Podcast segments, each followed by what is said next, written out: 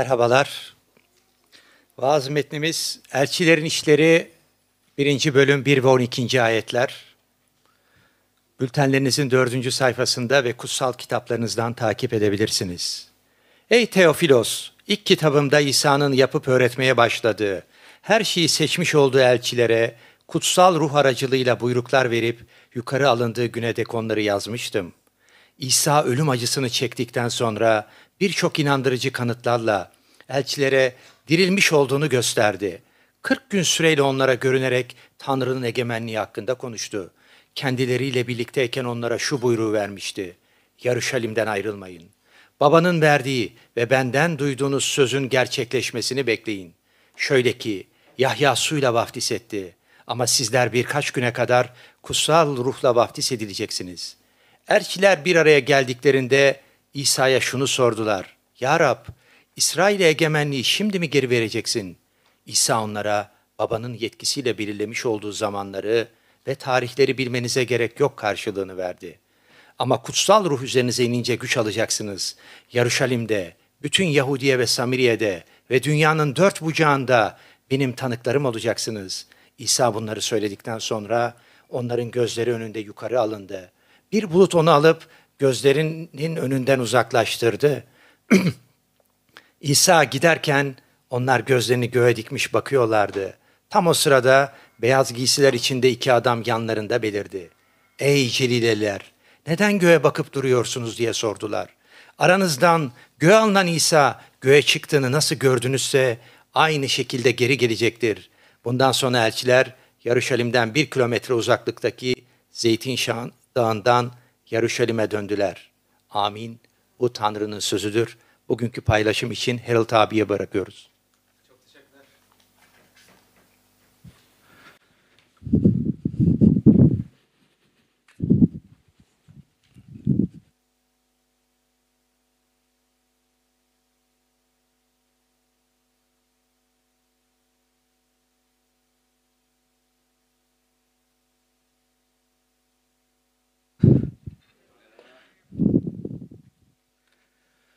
Bugün e, seri dışı bir vazımız var.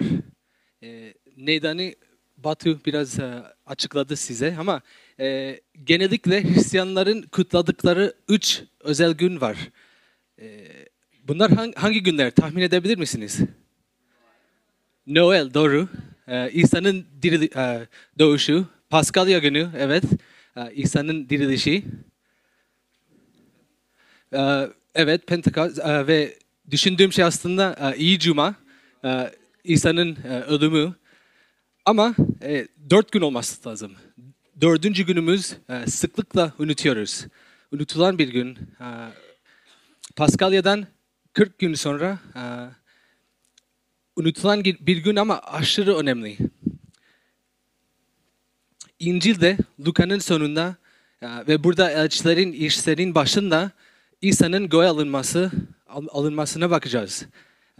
Neden bu kadar önemli?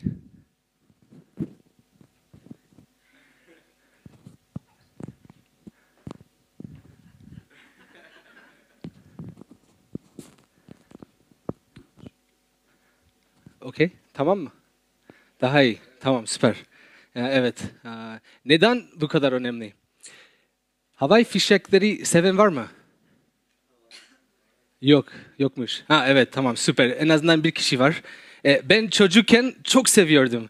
E, 10 yaşındayken paramı toplayıp e, ve en iyi, en güzel havai fişeği almak istedim. 76 Proline Sarı Love damla patlayan şelale markası. Müthiş bir şey.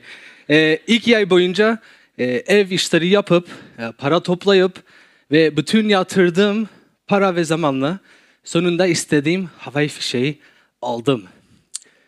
Ve bütün mahalleye haber verdim. Akşam onda, akşam onda çok güzel bir şov olacak. Gelin gelin. En sonunda havai fişeği e, ateşleme zaman geldi. Ve ateşleyip koştum e, izleme alanına ve dört gözle bekledim. Bekledim. Bekledim. Bugün hala bekliyorum. e, gerçek bir hayal kırıklığını yaşadım. Ha, o gün bir hata olmuş ve havai fişekler patlamadı. E, ve herkes gözlerini göğe dikmiş bakıyorlardı. E, o an bize iki melek e, gelmedi e, metne gibi. E, ama hayal kırıklığından dolayı e, öyle kaldık. Biz de Elçilerin işleri 1, 1.12'ye baktığımızda görebiliriz ki yükseliş olmazsa İsa Mesih'in doğuşu, ölümü, dirilişi bu havai fişekler gibi tamamlanmamış olurdu. Yükseliş İsa'nın tüm yaptıklarını bir havai fişek gibi patlayan olay. İsa Mesih dünyada yaptığı her şeyi alıp tüm iyileştirici gücüyle evrene ve senin hayatını işleyen olay. Bunu daha iyi anlamak için bugün üç şeye bakalım. Yükselişin gücü, yükselişin doğası ve yükselişin anlamı. 10. ayet. İsa giderken onlar gözlerini göğe dikmiş bakıyorlardı. Tam o sırada beyaz giysiler içinde iki adam yanlarında belirdi. Ey Celileliler neden göğe bakıp duruyorsunuz diye sordular. Aranızdan göğe alınan İsa göğe çıktığını nasıl gördünüzse aynı şekilde geri gelecektir. Neden göğe bakıp duruyorsunuz? İlginç bir soru. Melekler hafifçe azarlıyor sanki. Elçilerin düşündüğü şey şu. İsa'nın yükselişi bir ayrılma, bir yokluk, bir boşluk. Yani İsa'nın liderliği, samimiyeti koruması artık olmayacak. Ve onun ayrılmasından dolayı üzgün hissediyorlar. Çok normal bir tepki değil mi? Biz de orada olsaydık aynı tepkiyi vermez miydik? Meleğin, meleğin onları hafifçe azarlamasının nedeni yükseliş yükselişi anlamamamaları, hareketsiz kalıyorsan, yerinde duruyorsan, takılıyorsan, jeton düşmemiş demektir. Yükselişi anlamıyorsunuz. Elçiler yerinde duruyor. İki melek onlara İsa İsa'nın kim olduğunu hatırlatıyor ve ondan sonra elçiler ne yapıyor? 12. ayet ayete bakalım. Kudüs'e döndüler. Ve ilginç olan Kudüs'e nasıl döndüler? Luka 24'te şöyle yazıyor. Öğrencileri ona tapındılar ve büyük sevinç içinde Kudüs'e döndüler. Sürekli tapınakta bulunuyor, Tanrı'yı ovuyorlardı. Bak, havai fişekler gibi döndüler büyük sevinç içinde sürekli tapınarak, Tanrı'yı överek, yükseliş İsa'nın tüm yaptıklarını patlatır. Gerçek, ruhsal ve zihinsel olarak. Yükseliş elçilerin ilk düşündüklerinin tam zıttıdır. Yükseliş İsa'nın yokluğu değil. Güçlendirilmiş varoluşu demektir. Yükseliş İsa'nın liderliğini, samimiyetini, korumasını kaybetmek değil. Tam tersine. Bunların sonsuz artışı demektir. İmanımızda İsa Mesih'i yüce Rabbin sağ tarafına yükselmiş olarak göremiyorsak, durup yerinde kalman normal. Ayet 11'de meleklerin yaptığı hatırlatma aşırı önemli. Hem onlar için hem hem de bugün bizim için çok önemli. Biz zor şeylerle karşı karşıya geldiğimizde ne yapıyoruz? Haberler, sosyal medya tamamen olumsuz bugünler. Siyaset, kadın cinayetleri, ekonomik kriz, savaş, deprem. Elçilerin yaptığı gibi yapmak çok normal. Kendini uyuştur. Oyala. Düşünmeyi bırak. umutsuzluğa düş. Göğe bakıp dur. Ancak bu gerçeklerle mücadele edebilen muhteşem sevinç kaynağı olan İsa'nın yükselişine ihtiyacımız var. Gücüne, teşviğine, dürtüsüne neden duruyorsunuz? Havai fişek gibi olmanız lazım. Patlamanız lazım. İkinci noktaya geçelim. Yükselişin doğası. Yükseliş nedir? Yani İsa yükseldi dediğimizde ne anlıyoruz? Mesela tahta yükselmek. Luka 22 69 bundan böyle insanoğlu kudretli Tanrı'nın sağında oturacaktır. İngiltere'de gerçek bir taht var. 6 Mayıs'ta Kral Charles tahta yükseldi ve taç giyme töreni oldu. İzleyen var mı? Evet, evet. Ee, aslında 400 milyon kişi izledi ee, ve törenin maliyeti 100 milyon sterlingdi. Ee, törenin en önemli yan tahtın önünde küçücük bir merdiven vardı. Ee, genellikle biraz daha büyük olurdu ama e, Charles biraz yaşlı olduğu için küçücüktü. Neyse. Ee, Charles e, o merdivenden çıkıp tahta yükselip oturdu.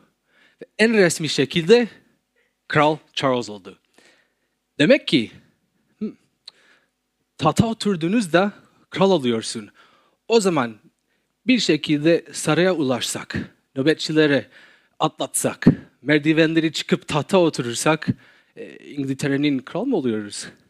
Yükselir miyiz? Hayır. Bak, yükselmenin simgesel bir anlamı var. Ve bu simge bir mekan, bir taht. Fakat tahta oturmak, kral olmak değildir. Tahta yükselmek, halkla olan ilişkiyi değiştirmek. Simgesel bir şey.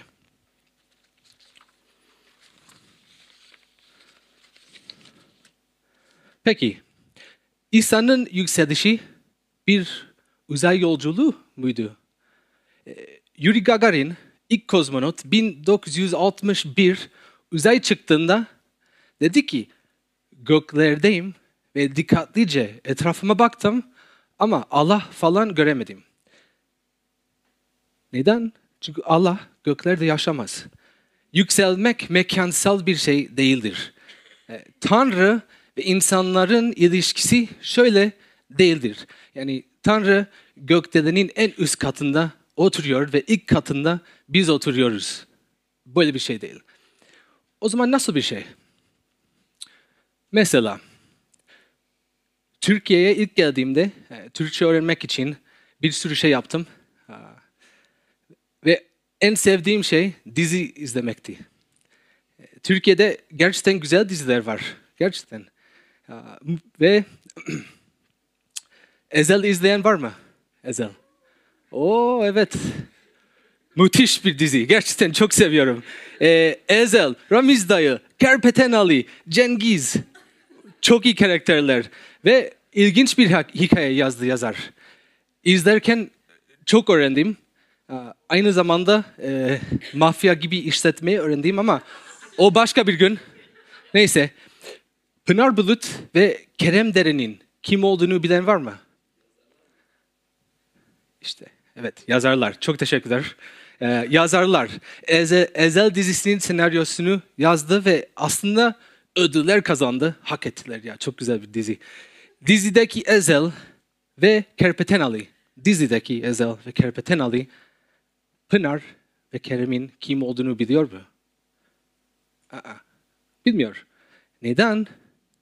Çünkü farklı evrende yaşıyor.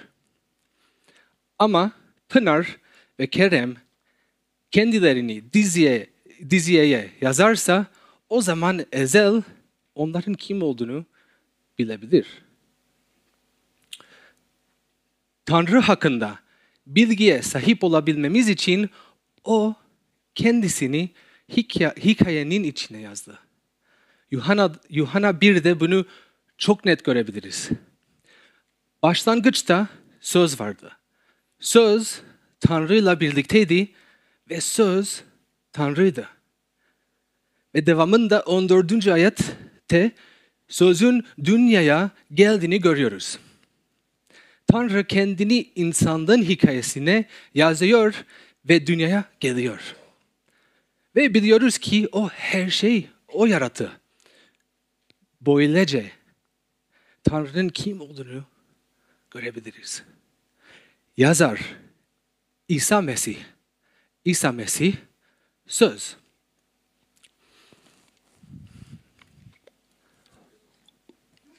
Teşekkürler.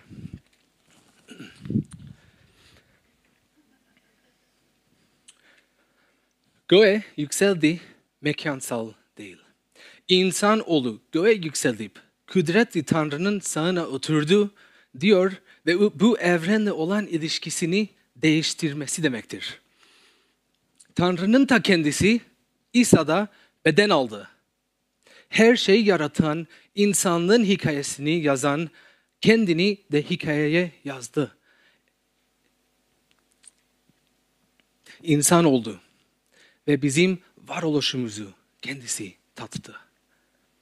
Bizim lehimize mükemmel, günahsız bir hayat yaşadı. Böylece her insandan talep ettiklerini kendisi yerine getirdi. Çarmıhta olup sonra dirildi. Mezara ve ölümü yendi ve yükseldi. Mekansal olarak tek zamana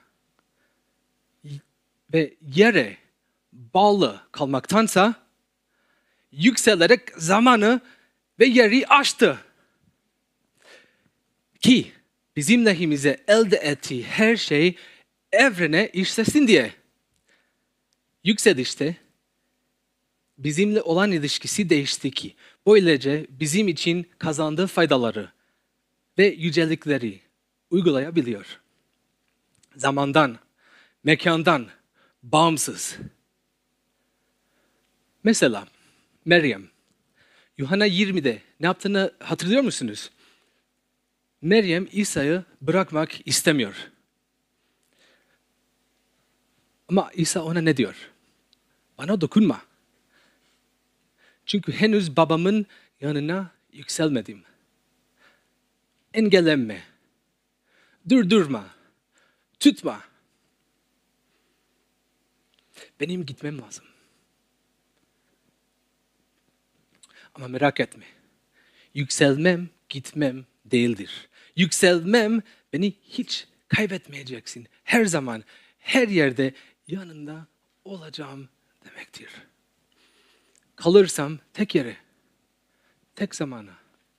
Ama yükselirsem her an, her yerde. Yükselmem tüm yaşamımın, çarmıhın, dirilişinin gücünü evrene patlatıp işlemem demektir. Zor durumlarda. Siyaset, felaket, ekonomik kriz. İsa her zaman senin yanında. Peki anlamı? Üçüncü nokta, yükselişin anlamı. 11. ayet, melekler açıklar. Aynı şekilde geri gelecek. Yani gittiği gibi buharlaşıp yok olmadı. İncil'de İsa'nın tüm yaptıklarına e, bakıp düzenlersek İsa'nın bu üç görevi çıkar. Peygamber, rahip ve kralımız. Peygamber olarak inanılmaz öğretmen. Bizlere gerçeği getirip özgür kıldı. Rahip olarak ona yaklaşan herkes Tanrı'yla tanıştırdı. Tanrı'ya yol açtı ve kral olarak özgürleştiren lider. Yükselişiyle peygamberliği, rahipliği ve krallığı artık herkese mevcuttur. Hala aynı peygamber, rahip ve kral. Ama tüm evrene patlatıp işlenmiş. Etkisi büyütülmüş hale gelmiş. Tamam tamam ama bunun önemi ne? beni nasıl etkiliyor? Yükseliş İsa'nın peygamberliğini bizlerde devam ettirir. O nasıl olabilir? 6. ayet. Elçiler bir araya geldiklerinde İsa'ya şunu sordular. Ya Rab, İsrail'e egemenliği şimdi mi geri vereceksin? Yani öldün, dirildin, 40 gün bekledin, artık e, başlatacaksın değil mi? Hayır, hayır. 8. ayet. Ama kutsal ruh üzerinize inince güç alacaksınız. Kudüs'te, bütün Yahudiye ve Samiriye'de ve dünyanın dört bucağında benim tanıklarım olacaksınız. Artık İsa yükselmiş peygamber olarak bizim aracılığımızla dünyanın dört bucağına ulaşacak. Kutsal kitapta bunu başka nerede görebiliriz?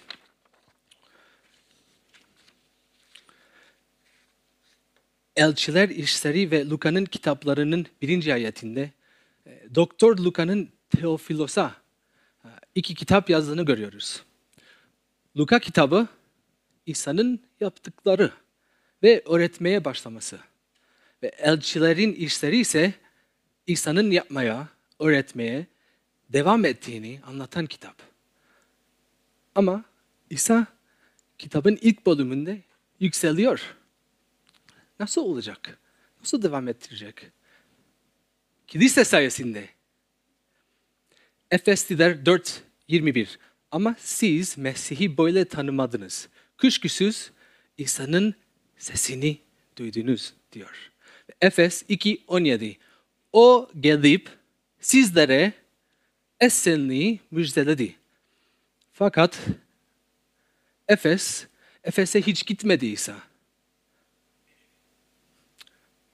İsa'nın İncil'deki sözlerini paylaştığımızda biz değil, o, o konuşuyor. Efeslilerde bunu çok net görebiliriz. O, İsa gelip İsa'nın sesini kilisenin aracılığıyla onun pe- peygamberliğini devam ettiriyor. Yükselmiş rahip bizim için, bizim lehimize tahtın sağında İsa evrensel rahip olarak ona yaklaşan herkesi yükseldikten sonra bile Tanrı'yla tanıştırdı. Tanrı'ya yol açtı. Mesela İstefanos'un idamı. En ciddi deneme şu. Odumu nasıl karşılarsın? İstefanos nasıl karşıladı? Elçilerin işleri 7.55 kutsal ruhla dolu olan İstefanos ise gözlerini göğe dikip Tanrı'nın görkemini ve Tanrı'nın sanda duran İsa'yı gördü. İstefanos taşlanarak oldu. Ve olurken Rab, İsa ruhumu al. Rab onları bağışla dedi. Bu güç, bu sevgi, bu huzur nereden geliyor? Rahip İsa'nın yükselişinden gelir. Bizden nefret edecekler. Bizi anlamayacaklar. Biz aptalız sanacaklar. Bizi öldürecekler. Ama İstefanos'un İstefanos gibi yükselmiş rahip İsa'yı hatırladığımızda, onu gördüğümüzde güçle, sevgiyle, huzurla bunların üstesinden gelebiliriz. Yükselmiş kral. Rabbin sağında başbakan, asıl yönetici olarak evreni yöneten İsa oturuyor. Ve seni tanıyor. Seni seviyor. İnsan olmak nedir biliyor. Kendisi denedi. Her şey senin için yönetiyor. Arkadaşlar, zor durumlarda, siyaset olsun, deprem, felaket, ekonomik kriz, her zaman, her zaman İsa senin yanında. gerçeklerle mücadele edebilen, muhteşem sevinç kaynağı olan İsa'nın yükselişine ihtiyacımız var. İhtiyacımız var. Gücüne, teşviğine, dürtüsüne. Neden göğe bakıp duruyorsunuz? Bütün dünyaya patlayan havai fişek gibi olmamız lazım.